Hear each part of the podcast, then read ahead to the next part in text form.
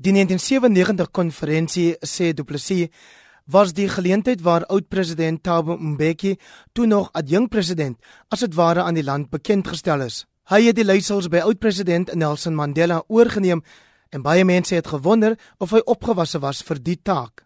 En toe hy begin praat in sy toespraak, toe draai hy na die president toe en hy sê vir hom: "Ek weet nie of ek goed genoeg is om in jou skoene te staan nie, maar ek wil nie in jou skoene staan nie want jou skoene is baie lelik." En dit was bedoel gewees as 'n grapjie, maar daar was tog 'n klein angel in daai stert gewees. Want wat baie belangrik was wat daar gebeur het. Onthou meneer Mandela was nooit 'n sogenaamde exile nie. Hy was nooit in in ballingskap saam met Oliver Tambo, Thabo Mbeki, jy weet al daai ANC leiers en so. Hy was in die tronk gewees. Hy was 'n sogenaamde exile soos hulle gesê het. Hy was jy weet binne-in gewees. En toe hy die eerste president van die ANC geword en hy het hy het ons land op 'n bepaalde manier neergesit. En toe het hy gedink as hy uitgaan wil hy graag hê Cyril Ramaphosa moet hom opvolg, maar die exiles, die ouens wat in ballingskap was, die Tabo en Bekkie crowd, jy weet, hulle het gesê nee. Cyril Ramaphosa gaan jou nie opvolg nie. Ons gaan ons gaan uh, die die beheer van die party oorneem. En ek dink dis 'n belangrike ding wat daar gebeur het in 97. Dit was ook by die Mahikeng konferensie waar die verdelingsretoriek Madiba se versoeningsretoriek op sy gestoot het. Meneer Mbeki daar toespraak gehou wat baie mense het gesê maar hy ons hoor nie die versoeningsretoriek van Nelson Mandela nie. Ons begin daar het ons die eerste geleide gehoor van die twee nasies, die een wit en bevoorreg en die ander een swart en arm. Die verdelingsretoriek, die soort retoriek wat van die ANC gekom het uh, in hulle propaganda vanuit die buiteland. Dis wat die eerste keer daar gehoor is en daar het meneer Mbeki begin om sy stempel af te druk. 10 jaar later in 2007 het die faksiegevegte in die ANC behoorlik begin kop uitsteek.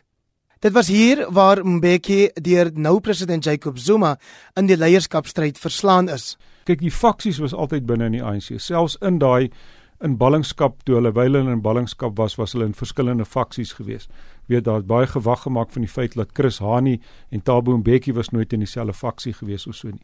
Maar toe het daai faksiepolitieke toe reeds het het daar begin. En toe in 20 in 2007 het die Jacob Zuma faksie wat ook 'n buite wat ook exiles was soos hulle gesê het, ballingskap mense in daai tyd.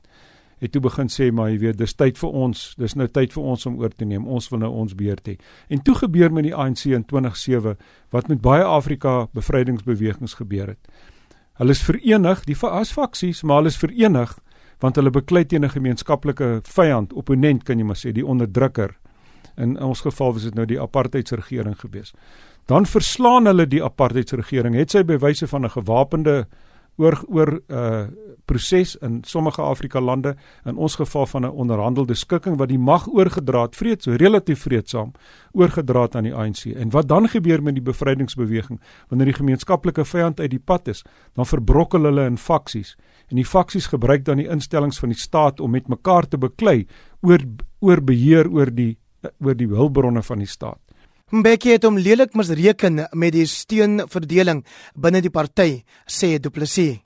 En toe by 2007 het meneer Zuma se faksie besluit dis nou ons beurt en hulle het genoeg redes gevind om nie van meneer Bekkie te hou nie. Hy was 'n briljante ekonom. Hy het regtig waar verstaan hoe die wêreld gewerk het, maar hy was in terme van 'n politieke leier was hy nie 'n warm en inklusiewe leier nie en die, en toe hy in 2005 meneer Zuma afdank as jong president het hy daai faksie gekry daai faksie gekristalliseer. En hulle het besluit ons wil ons ou terug hê en dis nou meneer Zuma en ons wil hom in beheer hê sodat ons kan beheer kry oor die bronne van die staat. En dis die belangrike ding wat in 2007 gebeur het. Meneer Mbeki het nie gedink hy gaan verloor in 2007 nie. Hy het in daai konferensie ingegaan en hy het nou net soos Dr Nkosazana Dlamini Zuma in hierdie konferensie het hy agtergeloop met die takbenoemings jy weet uh Zuma se voorsprong was heelwat groter geweest as wat Cyril Ramaphosa se nou is. Maar Mbeki het gedink ek is die dienende president. Hulle gaan my nie sommer uit hierdie posisie uit uitlig nie. En toe die Zuma faksie gekom en hulle het hom heeltemal verras. Hulle het die ANC heeltemal oorrompel en meneer Zuma het oorgeneem daarso. Du Plessis sê daar is 'n raakpunt tussen die 1997 en die komende 2017 konferensie.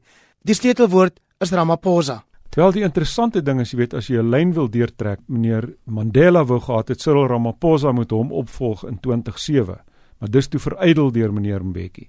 Nou kry meneer Ramaphosa uiteindelik 20 jaar later, 20 jaar later nadat hy gedink het hy gaan die geleentheid kry, kry hy die geleentheid en as hy daarin sou slaag, dan gaan die pendulum 'n bietjie terugswaai na die binnelandse na wat destyds die binnelandse verset teen apartheid was wat gesentreer was rondom die destydse Kossatu, nie die een van vandag nie. Die destydse Kossatu en die destydse UDF. Dis die wêreld waaruit hy kom. Uh en as hy suksesvol sal wees met sy aanslag op die presidentskap van die ANC, dan kan mens verwag dat daai mense en die soort waardes en hulle hulle hulle aanslag in die politiek sal 'n bietjie sterker na vore tree. Jy kry natuurlik terselfdertyd en jy het dit gehoor by Lindiwe Sisulu in die loop van die veldtog het sy vir, vir Ramaphosa gekritiseer en gesê jy was nooit in ballingskap gewees nie. Jy weet en daar is daai daar's nog steeds daai in, in span, spanning binne-in. Die ouens in ballingskap het MK soldate gestuur om te infiltreer, jy weet, en hulle het maar redelik swaar gelewe het hulle hiernatoe gekom het. Maar die ouens van die UDF, die binnelandse verset, hulle het die onluste polisie elke dag in die townships in die strate in die gesig gekyk, is met rubberkoels geskiet, baie van hulle is dood in die proses, jy weet. So daar's daai tweespel tussen die twee.